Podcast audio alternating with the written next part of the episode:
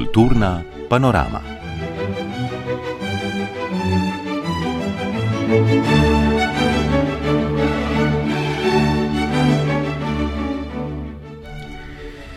Spoštovane, cenjeni, teden se je prevesil k koncu in na vrsti so naši odmevi na javno izpostavljene fenomene kulture od razstav, koncertov, knjig, festivalov in tokrat tudi o javni razpravi o problematiki neupoštevanja rabe našega jezika v javnem prostoru oziroma na internetu. Oddajo pripravljamo v uredništvu za kulturo in resno glasbo tretjega programa, programa Ars Radia Slovenija. Za glasbeno opremo je poskrbela Tina Ogrin, za pravšen zvok skrbi Max Pust, pred mikrofonom pa sem Goran Tenze.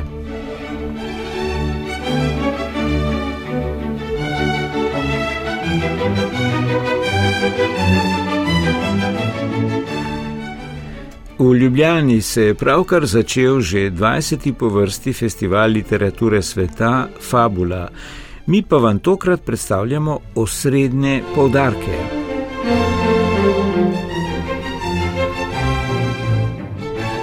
Prav tam pa že od četrtka, že 24. zapored poteka mednarodni feministični in kvirovski festival Rdeče zore, ki se bo zaključil konec prihodnega tedna. Bili smo tudi na razpravi o rabi oziroma ne rabi našega jezika na nekaterih tujih spletnih platformah na odboru za kulturo državnega zbora. V nadaljevanju predstavljamo osnoven uvid v pregledno razstavo o večletnem delu tako imenovane platforme za sodobno raziskovalno umetnost v Ljubljanski cukrarni.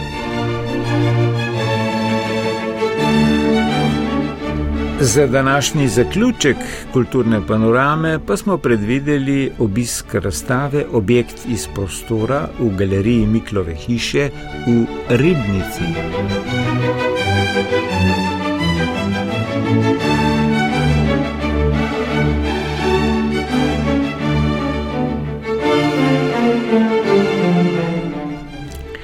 Sinoči se je v Cankarevem domu v Ljubljani z nastopom ukrajinske pisateljice Oksane Zabuško uradno začel festival literature sveta Fabula.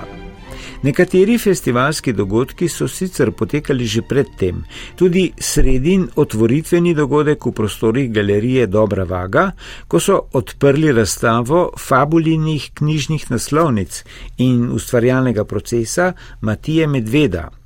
Sicer se bo do 30. marca v okviru festivala, ki že vrsto let gosti največja imena svetovne literature, zvrstili še številni drugi dogodki, literarni nastopi, druge razstave, delavnice, pogovori in drugo.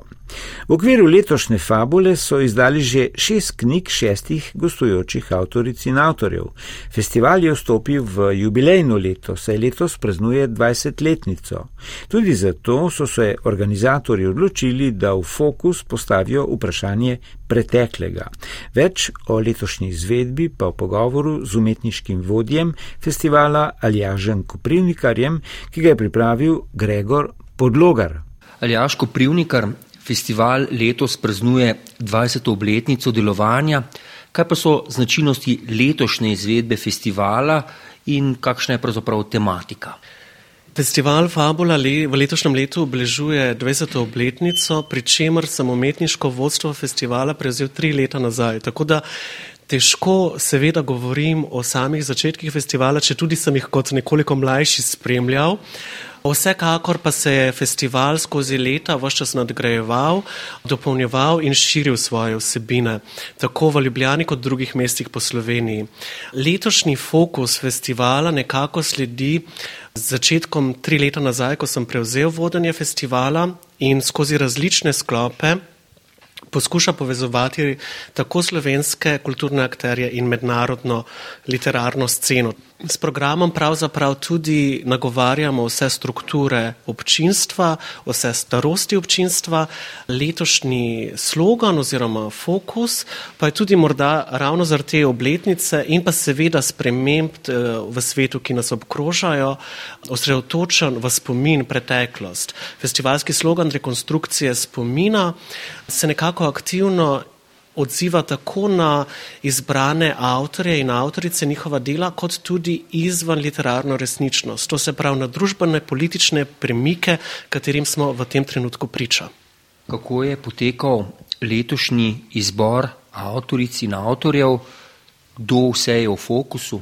Izbor fabulinih avtorjev in avtoric poteka dalj časa. Seveda uh, občinstvo in bralstvo vidi samo ta mesec, ko festival poteka, ampak v resnici festival poteka skozi celotno leto.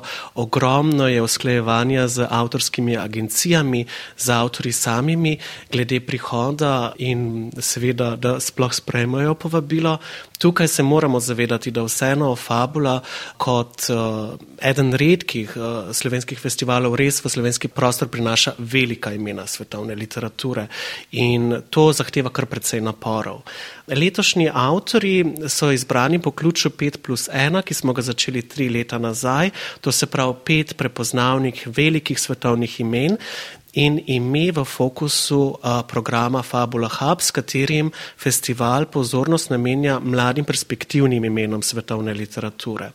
Letos nas bojo denimo obiskali Jose Luis Peixoto, Lazlo Krasnohorkej, Kristina Morales v uh, sklopu Fabule Hub, Oksana Zabuško, Tatjana Cibulak, Bernardine Varisto. Prek virtualne povezave pa se bo v živo javil tudi italijanski pisatelj Antonio Scorati. Pri tem bomo v sodelovanju s koproducentom Cankarjevim domom pripravili literarne večere. Oba omenjena avtorja, Bernardine Varisto in Antonijo Skorati, pa bosta sodelovala v teoretično-humanističnem fokusu Fambula v teoriji, kjer bosta pretresala pravzaprav uh, tudi slogan festivala rekonstrukcije spomina in sicer avtorica iz osebnega, intimnega spomina, avtor pa iz kolektivnega spomina, tako da bomo nekako poskušali to zaokrožiti.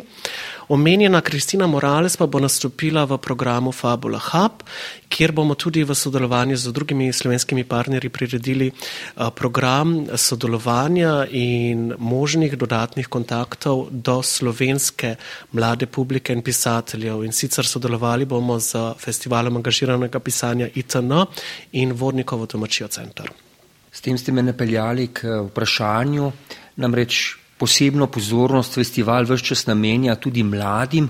Kakšno bo to sodelovanje leto z mladimi na festivalu? V bistvu festival eh, pozornost v bistvu namenja vsem strukturam in starostim. Seveda pa se zavedamo, da ravno mladi bralci pomenijo tudi prihodnost, kakšno bo stanje eh, bralnih navad in kako pravzaprav bo literatura potekala v bodoče. Na festivalu imamo poseben festivalski program Mlada Fabula, s katerim nagovarjamo najmlajše bralce in bralke. V letošnjem letu bomo to uredili v sodelovanju z Društvom slovenskih pisateljev, recimo z delavnico senčnega gledališča na temo spominov.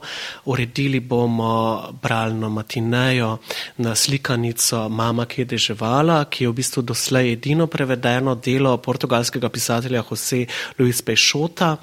Hkrati pa bomo tudi eh, sodelovali z nekoliko starejšo mlado publiko, to se pravi srednješolsko publiko oziroma prvimi letniki fakultet v sklopu kreativnega pisanja in že omenjeno seveda sodelovanje z festivalom angažiranega pisanja, ki ga pa tako ali tako vodijo mladi pisatelji in pisateljice. Kaj vi pričakujete od festivala, kakšno bo dogajanje? Ja, jaz se seveda v prvi vrsti veselim prihoda vseh avtorjev in avtoric, eh, ki za izjemo italijanskega pisatelja vsi pridajo v fizični obliki v Ljubljano. Veselim se knjižnih žepnic, ki so vsako leto urejene po dostopni ceni, kar je zelo pomembno za širjenje bralne kulture. Mislim, da ravno z letošnjim izborom avtorjev in avtoric in knjižno bero nekako bomo prevetrili slovenski prostor. Nekatere izmed omenjenih imen so v svojih pisanjih na eni strani inovativni, na drugi strani radikalni, zelo raznoliki, vsi pa bojo nekako reflektirali tako ta pretekli moment, kot tudi se ozirali v prihodnost. In mislim, da v, po obdobju zadnjih let, ko nekako kot družba prehajamo iz ene krize v drugo krizo, je čas, da se lahko ostavimo, dovolimo stik z sočlovekom, za razmislek in tudi preverimo možne prihodne poti. V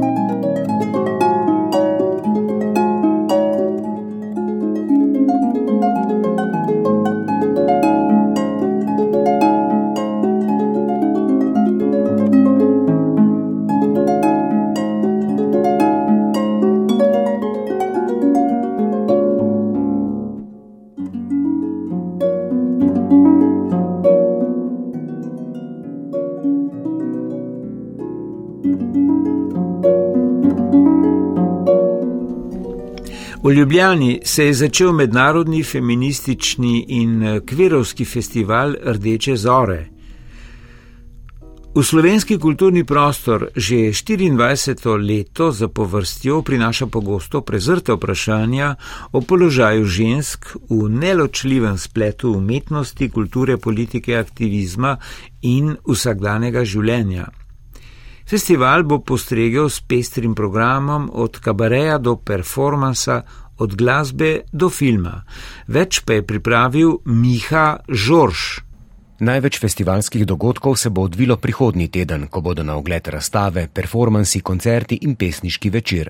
Pestro bo tudi filmsko dogajanje. Od 8. do 12. marca bo prek spleta potekal feministični filmski festival, 10. marca bo filmski večer pornofilmov in dan kasneje filmski večer feminističnih in kvir filmov.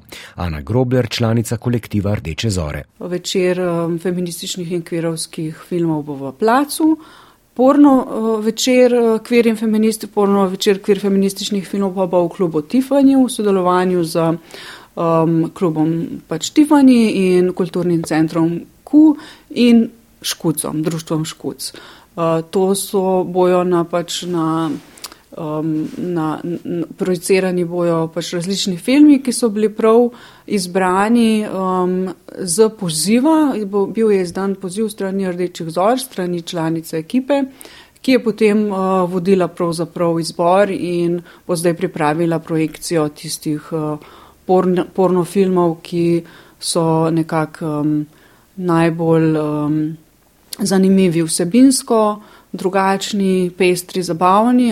In predvsem, pač, kar je tukaj pomembno, je to, da imajo pač uh, feministične kvir vsebine, ne? da niso um, neka ponovna uh, interpretacija nekih uh, mainstream. Uh, vsebin, ne, kar se porno tiče. Eden od vrhuncev festivala bo seveda podelitev bodeče neže, ki jo skupaj s platformo Spol.si podeljujejo za najbolj seksistično izjavo preteklega feminističnega leta. Je bil kar en pester nabor iz, uh, izjav in je pravzaprav že odprto online eh, spletno glasovanje ne, za te nominacije.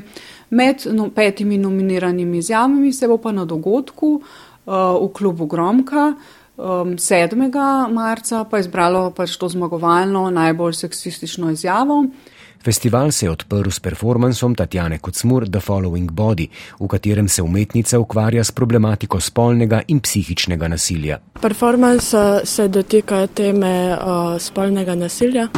V tem primeru konkretno se ukvarjam z dogodkom, ki se uh, zgodi znotraj telesa, v telesih žrt, žrtev nekaj, kar je nevidno oziroma bolj kot nevidno, nerazumljivo in neprepoznavno. Uh, tako da uh, vizualiziram to, kar se dogaja v telesu, to pa naredimo s pomočjo objekta, projekcije in zvoka.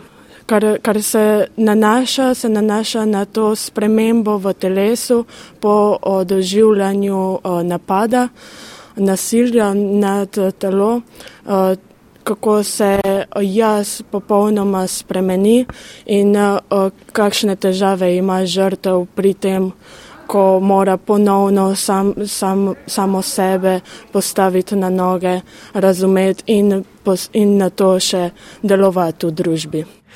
Na mesto utrjevanja meja ali celo sovraštva med spoloma in spoli je festival Rdeče zore ustvarjalnost in druženje vseh udeleženk in udeležencev izkoristil za izpraševanje samoumevnosti meja, ki ne ločujejo in osamijo spolov, temveč ljudi. Ana Grobler. Tako bi rekla, vsaka taka stvar, ne, ali je to festival, ali je samo dogodek, ali je samo izjava, eh, pravzaprav vpliva na, na razmišljanje pač v družbi. Ne. Vsaka taka stvar malenkostno mogoče premakne zavedanje o problematikah, ki so aktualne. In uh, nič, nobena stvar se ne zgodi pač čez noč, vse je pač zelo, zelo počasi, a ustrajno pač se spreminja, seveda vedno so pač neka nihanja, ne, ki so odvisna tudi od tega, v kakšnem uh, položaju se nahaja družba, ne, a smo v tem času v krizi ali nismo v krizi, kakšne so razmere. Um, koliko je revščine, um, kakšni so odnosi, vse to vpliva na to.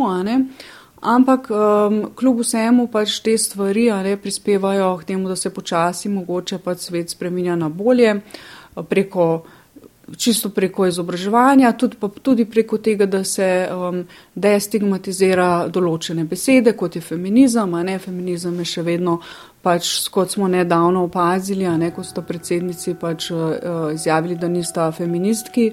Um, ampak da si prizadevata za enakopravnost, da je to še vedno neka stigmatizirana beseda. Ne? Festival Rdeče zore se bo zaključil v nedeljo 12. marca.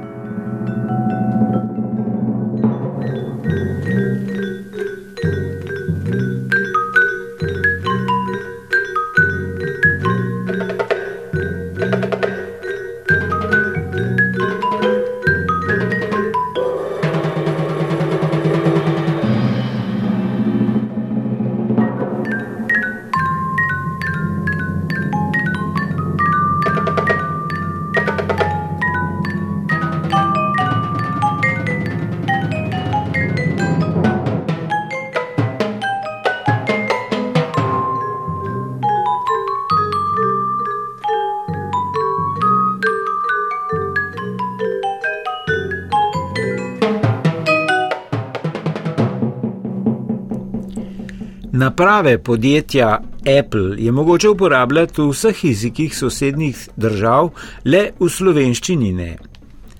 V našem jeziku tudi ni mogoče spremljati vsebin pri dveh največjih spletnih ponudnikih filmov in serij Netflix in Disney.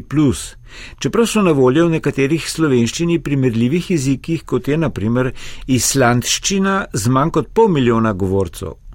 Na dileme in izzive tega stanja različni posamezniki in ustanove opozarjajo že več let. V začetku tedna pa so jim namenili tudi sejo odbora za kulturo v državnem zboru. Opozorili so, da rešitev ne bodo prinesle le spremembe zakonodaje, temveč širši mednarodni poziv multinacionalkam. Nekaj podrobnosti na temo je pripravil Aleksandr Čobec. Odgovor na vprašanje, zakaj Apple naprave in vsebine na Netflixu in Disney Plusu niso na voljo v slovenščini, je preprost, ker so se multinacionalke tako odločile. Čeprav ponujejo svoje naprave in vsebine v Sloveniji, jim ni treba spoštovati slovenske zakonodaje, ker imajo sedeže podjetij v tujini. Z nekaterimi predstavniki teh podjetij se je sestala evropska poslanka Irena Joveva. Kar se tiče odziva podjetij, ki sem jim pisala, je pa tako, da so se nekatera odzvala, druga ne, še. Um, z enimi smo še v dogovorih glede sestankov s predstavniki Netflixa in Disney Plusa sem se pa že srečala in vam ne bom lagala, ker so mi zelo jasno povedali, da v bližnji prihodnosti ne nameravajo razširiti ponudbe na slovenski jezik. Ampak vam povem zakaj, zato ker jim ni treba, so rekli. Ker ni pritiska, ker ni zakonodaje manda ker ni inšpekcije oziroma sankcij, ukrepanj. Katera firma je to rekla? Disney in uh, Netflix. Torej, vemo, kaj nam je storiti, očitno, če oni tako pravijo. Pa preden se kdo oglasi, pa reče, ja, če mi to naredimo, potem bojo vsa podjetja šla, si res želimo odganjati podjetja iz države. Naj vam povem, da sem se z njimi pogovorila tudi o tem in veste, kaj so mi rekli? Da vedno upoštevajo zakonodajo in da še nikoli doslej niso zapustili nobene države. Evropska poslanka Jojeva predlaga. Najbolj pomembno pa je, po mojem mnenju, da se tako ali drugače preprosto prisili ta podjetja k spoštovanju jezika in države, v kateri so prisotni. Uporabo svojega jezika na omenjenih platformah so dosegli islanci, enako velja za katalonski in baskovski jezik. Obstajajo sicer primeri dobre prakse, kot je ponudnik HBO, ki je slovenske podnapise pripravil še pred vstopom na slovenski trg. Podobno je tudi pri avtomobilskih znamkah. Ene omogočajo na zaslonih na armaturnih ploščah slovenščino, druge ne. Primer dobre prakse so tudi operacijski sistemi Windows, ki so že dolgo časa na voljo v slovenščini. Prav zato je še toliko bolj nerazumljivo, zakaj Appleove naprave ne omogočajo slovenščine. Vodja službe za slovenski jezik na Ministrstvu za kulturo Marko Jenštrle. Kot je že uh, gospa Jova povedala, tukaj gre enostavno za to, da je te, te multinacionalke, ki se obnašajo uh, tako uh, nesramno do nas, prisiliti. Treba jih je prisiliti, treba jim je narediti neko uh, afero, da se bojo začelo obnašati uh, tako, kot je, kot je potreba. In uh, če za konc tega lahko samo še eno zanimivo anegdoto povem, uh, ko so, zakaj recimo Apple govori hrvaško, slovensko pa ne. Ko sem jaz dobil v tej službi nalogo, da malo preverim, kako so to Hrvati dosegli, sem govoril z direktorjem inštituta za hrvaški jezik, in po telefonu govoriva, pa rekel, pa kako, pa, pa vi ste imeli Windows davno prije nas. Rekel, ja, ne, to prav. Rekel, kaj pa to prav, znate šta, zato, da ne pač zakaj pa ne govori Apple telefoni prav, znate šta, pojma nemam, ali baš mi je drago. Zato imajo Hrvati Apple v svojem jeziku. Mi pa ne, ker nimamo toliko slovenske samozavesti, da bi na tem področju branili svoj jezik. Da je na multinacionalke potrebno vršiti pritisk, so se strinjali vsi navzoči. Veliko vprašanje pa je, kako prisiliti multinacionalke kot je Apple, ki ima proračun primerljiv slovenski državi, da na svojih napravah omogoči slovenščino. Predstojnik Inštituta za slovenski jezik Frana Ramovša Koz Mahačič predlaga širšo akcijo držav na ravni Evropske unije, ki imajo podobne težave. Ampak ne na ravni državnega sekretarja ampak na ravni ministrice za zunanje zadeve, ministra za šolstvo, ministrice za kulturo, ministrice za digitalni razvoj, ministra za gospodarstvo in predsednika vlade. Na tak način lahko dosežemo spremembe evropske direktive. Ne starnanjem, ker tarnamo že deset let. Celo če s tem ne bi dosegli spremembe evropske direktive, kljub temu lahko dosežemo rezultat, opozarja Ahačič, saj so multinacionalke zelo občutljive na to, kaj se o njih govori v javnosti. Poudaril je še, da nas lahko posledice neukrepanja v prihodnosti veliko stanejo. Danes so problemi, o katerih govorimo, v resnici dokaj še drobni, ne vplivajo na naše vsakodnevno življenje pač, če nam nekaj ni všeč, izberemo drugega ponudnika. Ampak čez deset let, čez dvajset let bodo ti problemi zelo veliki. To vidimo že po razvoju v Združenih državah Amerike, kjer se večina seli na pretočne storitve. Bližajoči se velik problem je razlikovanje med strojnim in človeškim prevodom. Če ne bomo mislili vnaprej, se bomo čez 10-20 let naenkrat zavedli, da določenega filma niti za najmlajše ne moremo več najti v slovenščini. Da bomo morali vlagati velika sredstva v to, da bo naprimer RTV začela nadomeščati neko pretočno storitev, ki jo bodo že vsi navajeni. Vlagati bomo morali v šolstvo, zato ker bo pouk slovenščine zahteval dodatno podporo, dodatne projekte. Skratka, neukrepanje stane. Kako naj bi se odzvali, bo znano v prihodnih tednih, ko bo strani medresorske skupine, ki jo vodi Ministrstvo za kulturo, dan predlog v javno razpravo. Pripravljajo novelo zakona o javni rabi slovenščine. Svetovalec ministrice za kulturo Lenart Jakovčič. In mandat skupine je pravzaprav res pogledati zgolj zakon o javni rabi slovenščine in ugotoviti, ali je mogoče z novelacijo bolj jasno povedati, kakšna je razlaga, kaj si potem predstavljamo, kdo je za to pristojen in kako lahko odreagira. Pričemer je to šele prvi korak, ki bo omogočil pa eno širšo strategijo, ki pa že ni več v okvirih te skupine, ampak ki jo pa definitivno treba pogruntati na ravni in med ministrstvi, in med strokovno javnostjo, in potrošniškimi organizacijami, zaradi tega, ker vemo, da je mogoče jezikovno politiko uveljavljati samo z enim takim širšim paketom ukrepov. Zaradi tega, ker ena stvar, ki se tukaj pomaga, recimo ena od prvih stvari, ki smo jo naročili našim sodelavcem, je bil pregled evropske zakonodaje, ali je zakonodaja, ki je bistveno drugačna v tistih državah, kjer to obstaja, kar pomeni, kjer so te storitve prevedene po Sloveniji, sinhronizirane. In odgovor je bil ne. Skratka, ni ponavadi zakonodaja glavni razlog, zakaj se te ponudniki odločajo ali pa ne odločajo za lokalizacijo. Ampak so zadnji drugi dejavniki. Nekje pri večjih trgih je to tržni dejavnik, nekje recimo pri Islandiji je to do neke mere tudi izredno zanimivo lokacija za snemanje. Skratka, ogromno je enih takih in drugačnih razlogov, zakaj se te korporacije odločajo za Slovenijo ali pa ne. Ali pa recimo anekdotično, je bil pa primer Hrvaške, je pa šlo za to, ker je Netflix, ko je imel ta, mislim, ko je ponudil globalno storitev, je rekel, mislim, so povedali, da so se za, recimo temu Hrvaščino odločili za to, ker je bilo z Amerike, pogled z Amerike je bil, da je to jezik, ki ga govorimo in razumemo vsi v tej regiji. Kar pomeni, oni se tukaj niso prav dosto ukvarjali s tem, kakšna je razlika med hrvaščino, slovenščino, srpščino in čimrkoli, ampak enostavno so rekli, bomo vzeli eno tako čest, zaradi tega, ker s tem zajamemo eno tako dosti široko regijo in bomo videli, na kakšen način se nam to ali obresti ali pa splača. Skratka, to je pogled iz štaba nekje v Kaliforniji in seveda ne nagovarja teh naših specifik. Kučič je še opozoril, da se s preminjanjem zakonodaje odpirajo morebitna nova nesoglasja ali na vzkrižja, saj del gospodarstva gleda na slovenščino kot na breme in poseg v svobodno gospodarsko pobudo, to pa je nekaj, na kar bodo morali biti vsi skupaj zelo pozorni.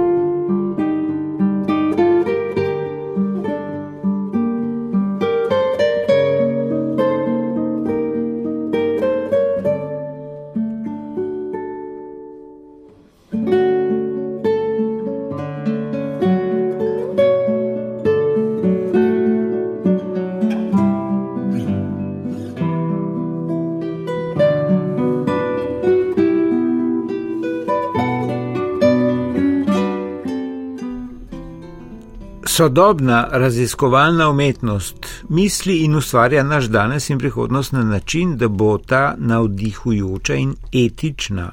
Zaveda se, da so pojavi robotike, umetne inteligence in drugih tovrstnih organizmov neizbežni. Zato se ne bori proti njim, temveč jih gnete in osmišlja. V marcu si v cukrarni v Ljubljani, pa tudi na drugih lokacijah, na razstavi konsekvence, fragmenti možnega ekosistema, lahko ogledamo plodove platforme Kons, dela več kot 30 avtoric in avtorjev, ki je v dobrih treh letih postavljala temelje sodobne umetnosti na presečišču znanosti, tehnologije in družbe. Razstavo je obiskal Žiga Bratoš in pripravil tole. Prav umetniško ustvarjanje, ki aktivno vključuje nove tehnologije in se sprašuje o njenih smislih, lahko pripomore k razvoju boljših, varnejših, trajnostnih izdelkov in storitev. Platforma KONS, mreža devetih partnerskih organizacij, je sofinancirana v okviru posebne operacije Ministrstva za kulturo in Evropskega sklada za regionalni razvoj. Je preplet dejavnosti na treh nivojih: zagotavljanja boljših pogojev za umetniško delo z vzpostavitvijo tematskih laboratorijev, ustvarjanja prototipov ter inovativnega, tudi medgeneracijskega izobraževanja oziroma raziskovalnega učenja. Juri Krpan, kurator in programski vodja zavoda Kersnikova, pojasni, da mi tehnologijo razumemo samo kot pogoj, ki ti omogoča, da se ti lahko zelo kreativno ustvarjalno izraziš. In to delamo. Konc akademija ima seveda hude ambicije.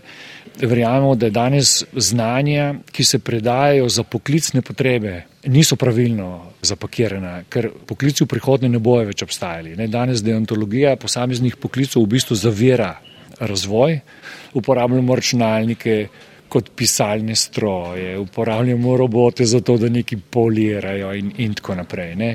V bistvu nam tehnologija omogoča že zelo veliko. Ne. Če parafriziram recimo enega zelo znanega avstralskega umetnika Stelarka, on pravi, mi s tehnologijo lahko potujemo v globoko vesolje, ne. človek ne more, ne, ker potrebuje posebne pogoje, stalno se kvari, rabi hrano in temperature in tako naprej. Ne. Mi govorimo o spremembi recimo družbene pogodbe, kjer veliko tega bullshit worka, ne, se pravi tega nesmiselnega dela prevzamejo avtomati. To, kar ostane ljudem, je predvsem ustvarjalno delo, skrb za druge, skrb za naravo, skrb za druga nečloveška živa bitja, ker vemo, kam nas je tak način življenja, kot ga živimo v zadnjih 300 letih, pripeljal. Tehnološke in družbene inovacije torej potrebujejo ljudi, ki razmišljajo ne le znanstveno optimalno, ampak tudi humano, ekološko, estetsko, ki čutijo ne nazadnje. Petra Vanič poudari, da v laboratoriju projekta KONS nastaja toliko zanimivega, da se jim zdi ta znanja in veščine smiselno deliti, seveda tudi z najmlajšimi. Izvedli so že več kot 200 delavnic. Pač tukaj na nek način poskušamo teme, ki jih umetniki tematizirajo v svojih delih in tehnologije, ki jih uporabljajo, približati otrokom, da razmišljajo kritično do fenomenov sodobnega sveta, recimo, in da se tehnologije lotijo na drugačen način, se pravi, da jo razstavljajo, da pogledajo, kaj je noter, kako deluje, zakaj tako deluje. Še posebej pa jih usmerjamo v smislu nekih razmišljanj o, o družbenih inovacijah. Na konsekvencah v cukrarni bodo pripravili delavnice za odrasle in otroke, naprimer DigiVrt kjer bojo izdelovali tak, bom rekla, samo vzdržni zalivalni sistem.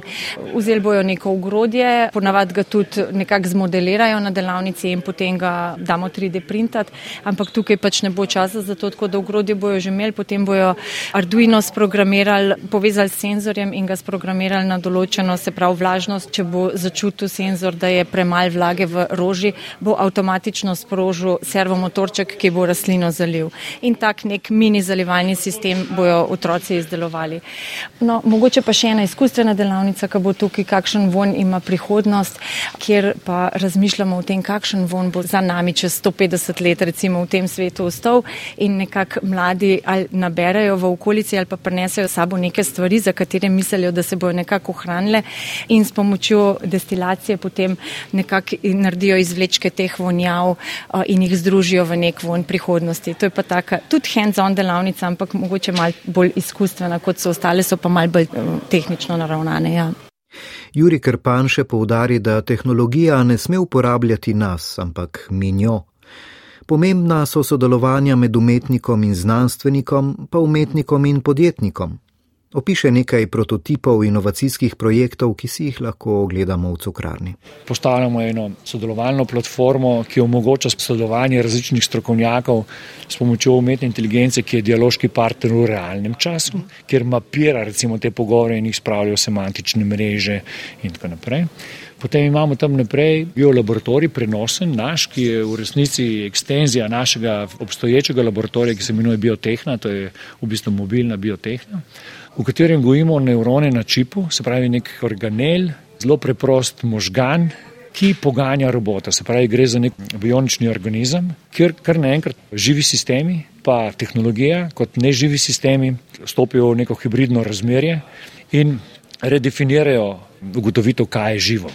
Ti roboti, s katerimi bomo živeli, bojo vedno bolj postali kompatibilni z nami, ne, in z ostalimi agenti v naravi. In to je recimo ta projekt, ki ga vidimo čisto na koncu, ne, kjer gre za plant machine interaction, se pravi za interakcijo in interkognicijo med strojem in med rastlinami, kjer se rastline opolnomočijo od človeka s tem, da one krmilijo robota. To je pa, čisto bom rekel, v tem inovacijskem smislu, nek poskus projekcije, kaj naj bi pomenilo odrast. Zelo veliko poslušamo odrasti, degrowth, ne, ker do zdaj je vsta kapitalistični pogon impliciral samo rast, rast, rast. Ampak zdaj smo ugotovili, da je to destruktivno za cel planet ne, in zdaj je treba misliti, kaj je odrast. Zdaj odrast ni manj, manj, manj, ampak odrast je, kaj je dovolj. In ker se ljudje ne znamo zmeniti, kaj je dovolj, nam bo to povedala narava. Pri tem, da nam tehnologija pomaga razumeti ta deep time, nekaj, kar mi z svojim trajanjem življenja ne, ne, nekako ne moremo dojeti. Ampak skozi take sisteme, ki nam pa uh, pokažejo te slike, se nam pa prikazujejo stvari, ki jih prej nismo videli. Vedno je ta imaginarni svet v umetnosti bil zelo pomemben. Že Leonardo je rekel, ne, da če hočeš biti inspiriran, to moraš gledati v oblake, moraš gledati v pepel, v plamene, zdaj se ti prikazujejo forme in ti, ti pomagajo misliti out of the box. Ne. Zdaj imamo, recimo, od spodaj smo videli pri Trumpu že Mid Journey, ki dela točno to. Torej, projekt se ukvarja z okoljevarstveno tematiko, sem pa obrnil logiko komuniciranja in sicer od nekega negativizma, ki ga običajno gledamo v javnosti, proti nekemu pozitivizmu, se pravi, skozi projekt iščem rešitve.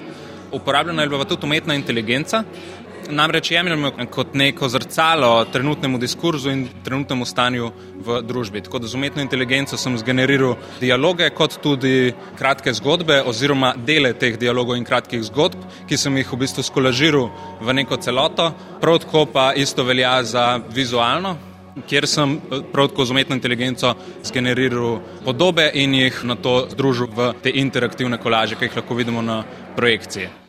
Tako svoje delo opiše Nate Strampuš. Na drugi strani pa najdemo projekt Krajinski stroj finskega ustvarjalca Eriha Bergerja, ki mapira nevidna radioaktivna območja v naši okolici in s tem prikaže dogajanje v prostoru, ki ga sicer s svojimi čuti ne moremo zaznati.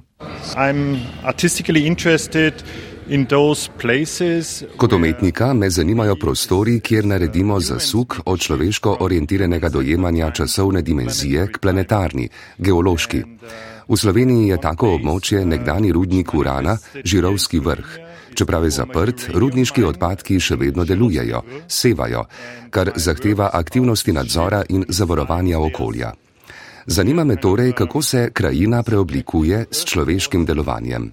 V moji instalaciji lahko obiskovalci opazujejo in sodelujejo. Na videu vidite prelet z dronom, zadaj pa je senzor in če recimo poskočite, povzročite motnjo v posnetku, kar namiguje na to, kako so prostori, kot je nekdani rudnik urana, občutljivi na geološke spremembe, premikanje tav, delovanje zemlje. In to je ključno pri dolgoročnih strategijah skrbi za območje. V sosednji instalaciji pa Berger zvoke vsakdanjega življenja tam, ljudi, psov, zvonov, kmetijskih strojev, preplete s sicer neslišnimi, kot je naprimer radiacija. Meri tudi izsevanje v galeriji in ko k visoko občutljivemu senzorju približa kamen žirovskega vrha, zaslišimo poseben žvenket. V posebni stekleni škatli pa ustvari pogoje, da sevanje lahko celo vidimo v obliki mini oblačkov, ki švigajo. Kaj pa se dogaja v svetlobno-zvočni instalaciji Kozmični dež Tilna Sepiča? To opiše Maja Burjam, kuratorka in producentka pri Laboratoriju za znanost in umetnost Ljudmila. Sama instalacija Kozmični dež deluje kot detektor visokoenergijskih delcev, ki se jim reče mioni, Te delci nastajajo ob naletu kozmičnih žarkov, to so taki visokoenergijski delci, ki prihajajo pravzaprav iz vesolja, večinoma izven našega osončja. In v bistvu instalacija, ki temelji na odprtokodnem detektorju, materializira te kozmične dogodke, ki so prisotni v našem prostoru in se nenehno odvijajo okoli nas, ampak jih v bistvu čuti težko zaznamo. Detektorske enote, ki, če se nekoliko pošalimo, izgledajo kot mini vesoljska plovila upeta v žice, Zaznane delce prikažejo z zvočnimi in svetlobnimi bliski. Tehnični sodelavec Luka Frelih bo izvedel tudi delavnico Maglična celica, kjer se bo posvetil prav kozmičnim pojavom. Veliko vsega torej, razstava konsekvence, fragmenti možnega ekosistema, torej sodobne raziskovalne umetnosti platforme Kons ter delavnice in performansi pa ob cukrarni v marcu in aprilu gostujejo še na drugih lokacijah v Ljubljani, Mariboru, Velenju, Novem mestu in Novi Gorici.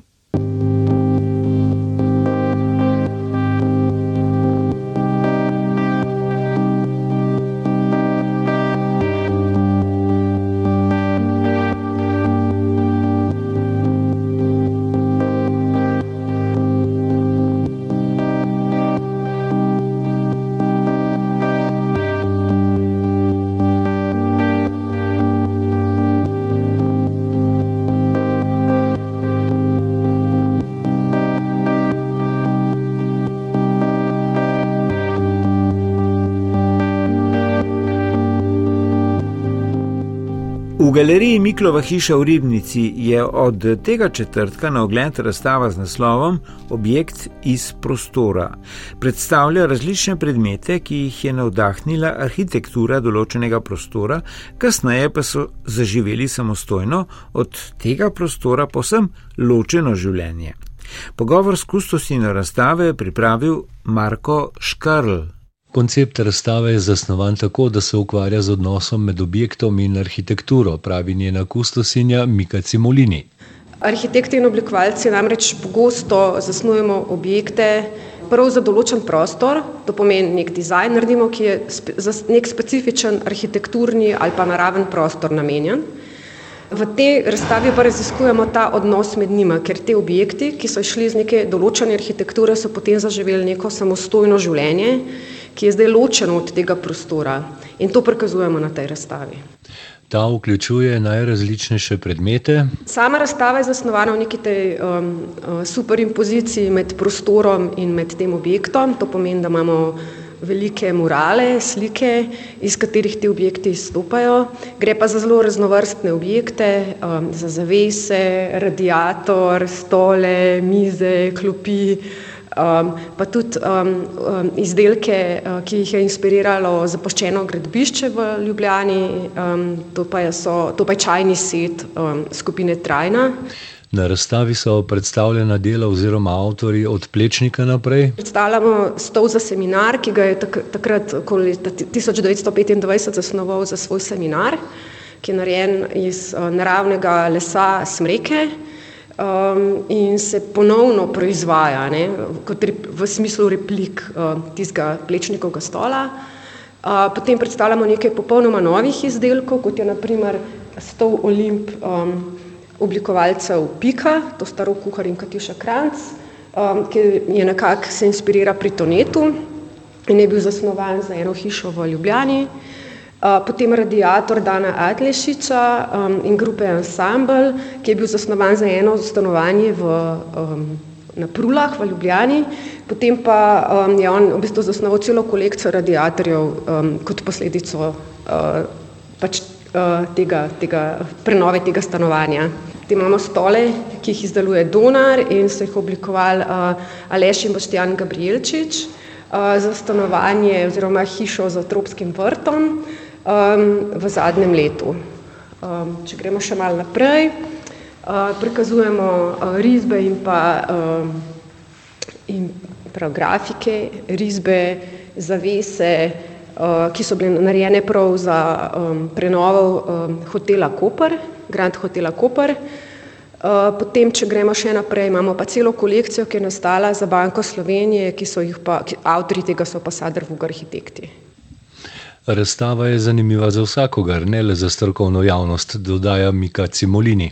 Ja, pač mislim, da je prvič, da v galeriji Miklova hiša predstavljajo um, ne samo likovna dela, ampak v bistvu, da smo, da smo šli v ta spoj med um, arhitekturo in oblikovanjem, predstavljamo uporabne predmete in ja, v, v tem smislu je ta razstava um, zasnovana za široko publiko, vse te predmeti so na voljo vsem. Razstava objekti iz prostora bo v Miklovi hiši na ogled do 16. aprila.